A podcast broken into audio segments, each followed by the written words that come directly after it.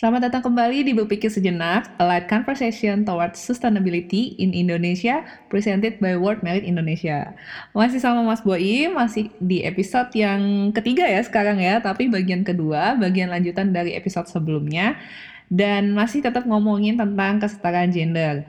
Nah, pertanyaan pembuka dari aku adalah, um, gimana sih Mas cara kita untuk bisa mensosialisasikan praktik kesetaraan gender kepada generasi-generasi yang sudah lebih dahulu atau generasi yang seperti Mas Boyim uh, supaya mereka paham gitu pentingnya contohnya tadi berbagi peran dalam keluarga terus juga pentingnya mendidik anaknya supaya lebih peka terhadap uh, praktik kesetaraan gender ini gitu. Iya, saya kira ini itu memang tidak gampang ya. Mm-hmm. Itu orang mengatakan itu sudah generasi-generasi saya atau generasi di atas saya itu kalau kami sering ngobrol itu kira-kira bukan lagi kepala batu, katanya kepala granit. Saking kerasnya ya. Ya, itu yang memang yang bisa dilakukan itu adalah tadi itu uh, membangun praktek-praktek baru. Ya, misalnya uh, berbagi peran di dalam uh, mencuci, hmm. menjemur baju, me, uh, me, menyapu halaman, menyapu uh, teras rumah, mengepel yeah. teras rumah.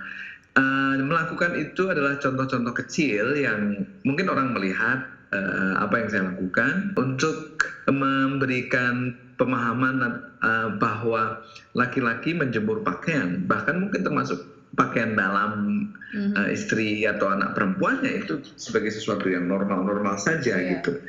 Uh, itu juga yang uh, cara yang dipakai teman-teman jaringan ALB misalnya di NTT dan di NTB di tempat lain mm-hmm. adalah normalisasi praktek-praktek baru laki-laki yang mencerminkan kesetaraan dan keadilan. Misalnya uh, ayah menggendong bayi, yeah. misalnya Uh, kalau di NTT itu uh, laki-laki menumbuk jagung. Atau memasak uh, gitu ya mas ya? itu yeah. atau laki-laki mulai terlibat di dalam pengol uh, apa uh, pengelolaan rumah bulat rumah bulat itu adalah tempat penyimpanan ini bahan-bahan makanan yang itu dikenal sebagai uh, wilayahnya perempuan. Dan pamali bagi laki-laki uh, di NTT untuk masuk rumah bulat itu Uh, tapi ada beberapa tokoh yang mencoba mempraktekkan itu di di masyarakat. Misalnya menumbuk yeah. jagung, dia sengaja menumbuk jagung di depan rumah bisa ya. dilihat yeah. orang. Yeah. Kemudian di NTP orang-orang laki-laki mulai ter, uh, yang gendong bayi kemudian dia berkumpul sambil menggendong bayinya masing-masing. Jadi uh, yang menurut saya menjadi penting adalah bagaimana menunjukkan praktek-praktek baru itu kemudian uh, membuatnya menjadi normal hmm. ya. Jadi uh, bahwa laki-laki menggendong bayi atau menyuapi anaknya itu sesuatu yang normal nggak ada yang salah dengan itu. Atau laki-laki yang menumbuk jagung laki-laki yang menjemur pakaian uh, dan mencuci dan menjemur pakaian atau laki-laki menyapu halaman itu normal nggak ada yang salah uh, itu adalah uh, practices, main practices yang bisa dibangun uh, untuk membangun uh, new tradition ya, atau tradisi sistem, baru, ya, kemudian ya. menciptakan norma sosial baru yang lebih uh, lebih uh, adil dan setara. Uh -huh. Ya. Berarti uh, ini juga kah yang Mas upayakan dengan aliansi laki-laki baru ini gitu, mengajak lebih Betul. banyak laki-laki lagi untuk action sehingganya bisa influence orang lain gitu juga ya Mas ya? Ya, misalnya yang sedang dilakukan sosial media campaign yang dilakukan ya. oleh teman-teman ALB di Jakarta itu dengan uh, membuat uh, video-video pendek, konten-konten sosial media yang normalisasi laki-laki yang memilih untuk melakukan peran-peran domestik. Oke. Okay. Eh, jadi itu di antara yang dilakukan normalisasi. Jadi eh, laki-laki uh, agar tidak melihat bahwa laki-laki yang memilih untuk misalnya pe melakukan pekerjaan-pekerjaan domestik sebagai sesuatu yang uh, unmanly, yeah. sesuatu yang laki-laki, tetapi itu adalah Eh, nggak uh, ada kaitannya dengan persoalan laki-laki atau tidak. Jadi kira-kira Anda memasak, Anda me mencuci, Anda menjemur bagian itu tidak meruntuhkan kelelakian Anda lah. Kira-kira Maskulinitasnya tidak hilang gitu ya Mas? Ya, iya, atau bahkan kita memberi value itu. Iya, Jadi iya. Anda semakin mau berbagi, semakin Anda melakukan pekerjaan uh, domestik, berbagi mengasuh anak Anda semakin laki-laki. Kira-kira gitu. Oh, Oke. Okay. Itu bisa dilihat di mana tuh Mas? Uh, Instagram kah?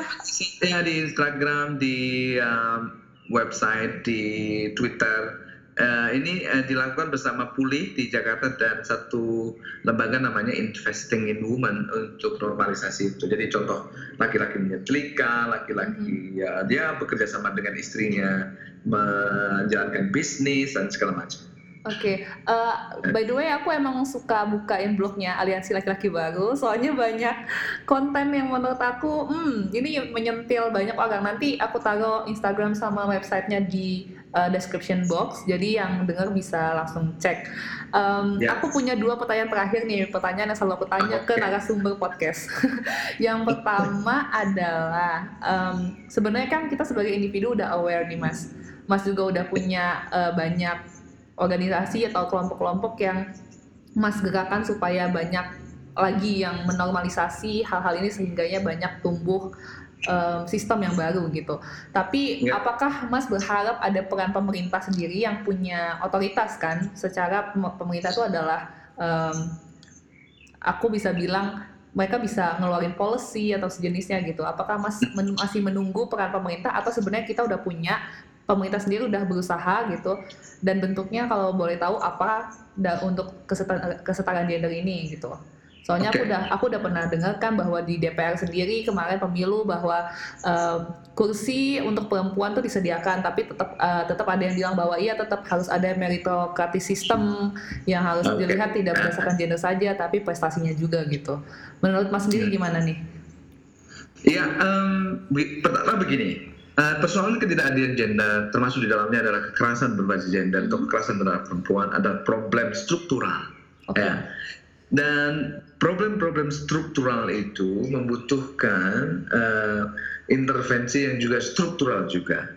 Jadi selagi upaya-upaya mengedukasi publik dilakukan melalui pendidikan-pendidikan publik, sosial media, campaign dan seterusnya, maka policy atau kebijakan negara itu menjadi penting karena uh, kebijakan negara itu yang memungkinkan proses perubahan struktural itu menjadi lebih cepat dan masif. Yeah. Yeah. Ya.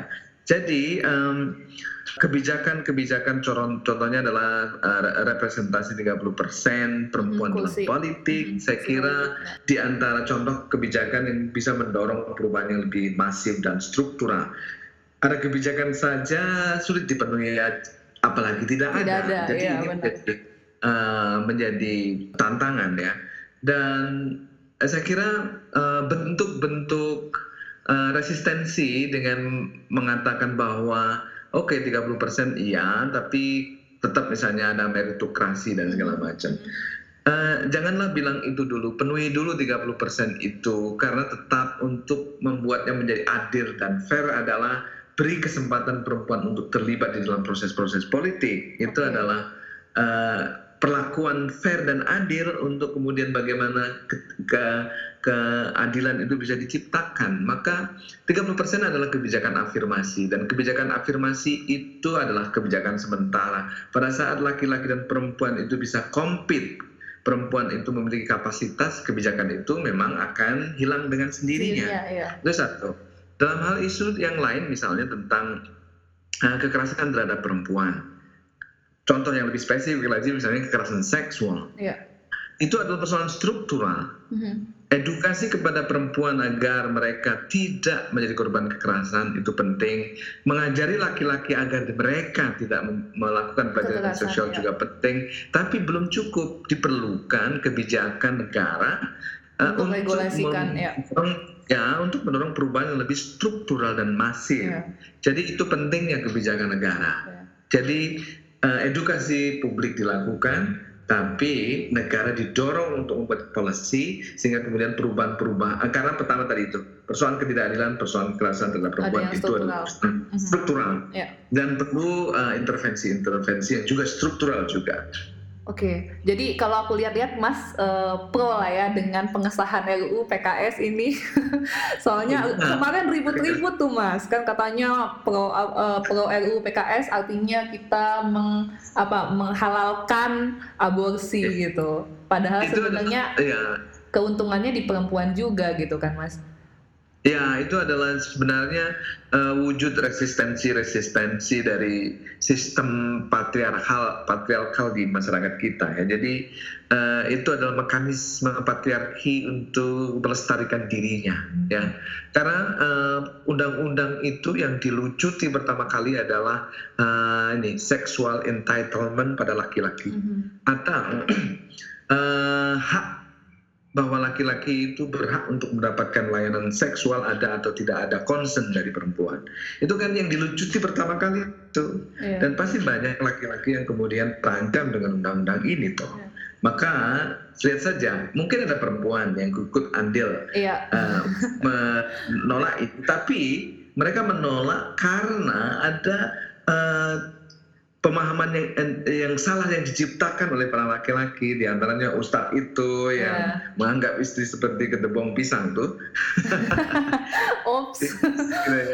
ya. Jadi uh, saya kira uh, ini yang menurut saya itu adalah uh, resistensi dan itu adalah mekanisme yang memang uh, wajar bagi kelompok atau bagi uh, yang diuntungkan oleh sistem yang dilawan oleh undang-undang itu. Iya, um, aku aku juga punya beberapa teman yang pernah jadi korban gitu kan.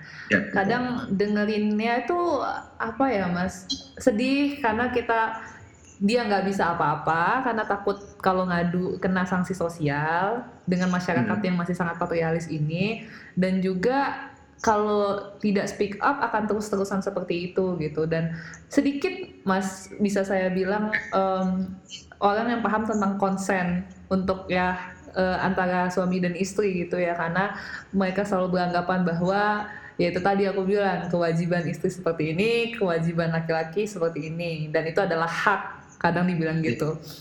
Uh, aku cuman berharap sih mungkin lebih banyak lagi yang bisa gabung mungkin di uh, aliansi laki-laki baru ini atau yang lebih lebih ya dan lebih apa ya memperbanyak campaign-campaign sosial medianya juga.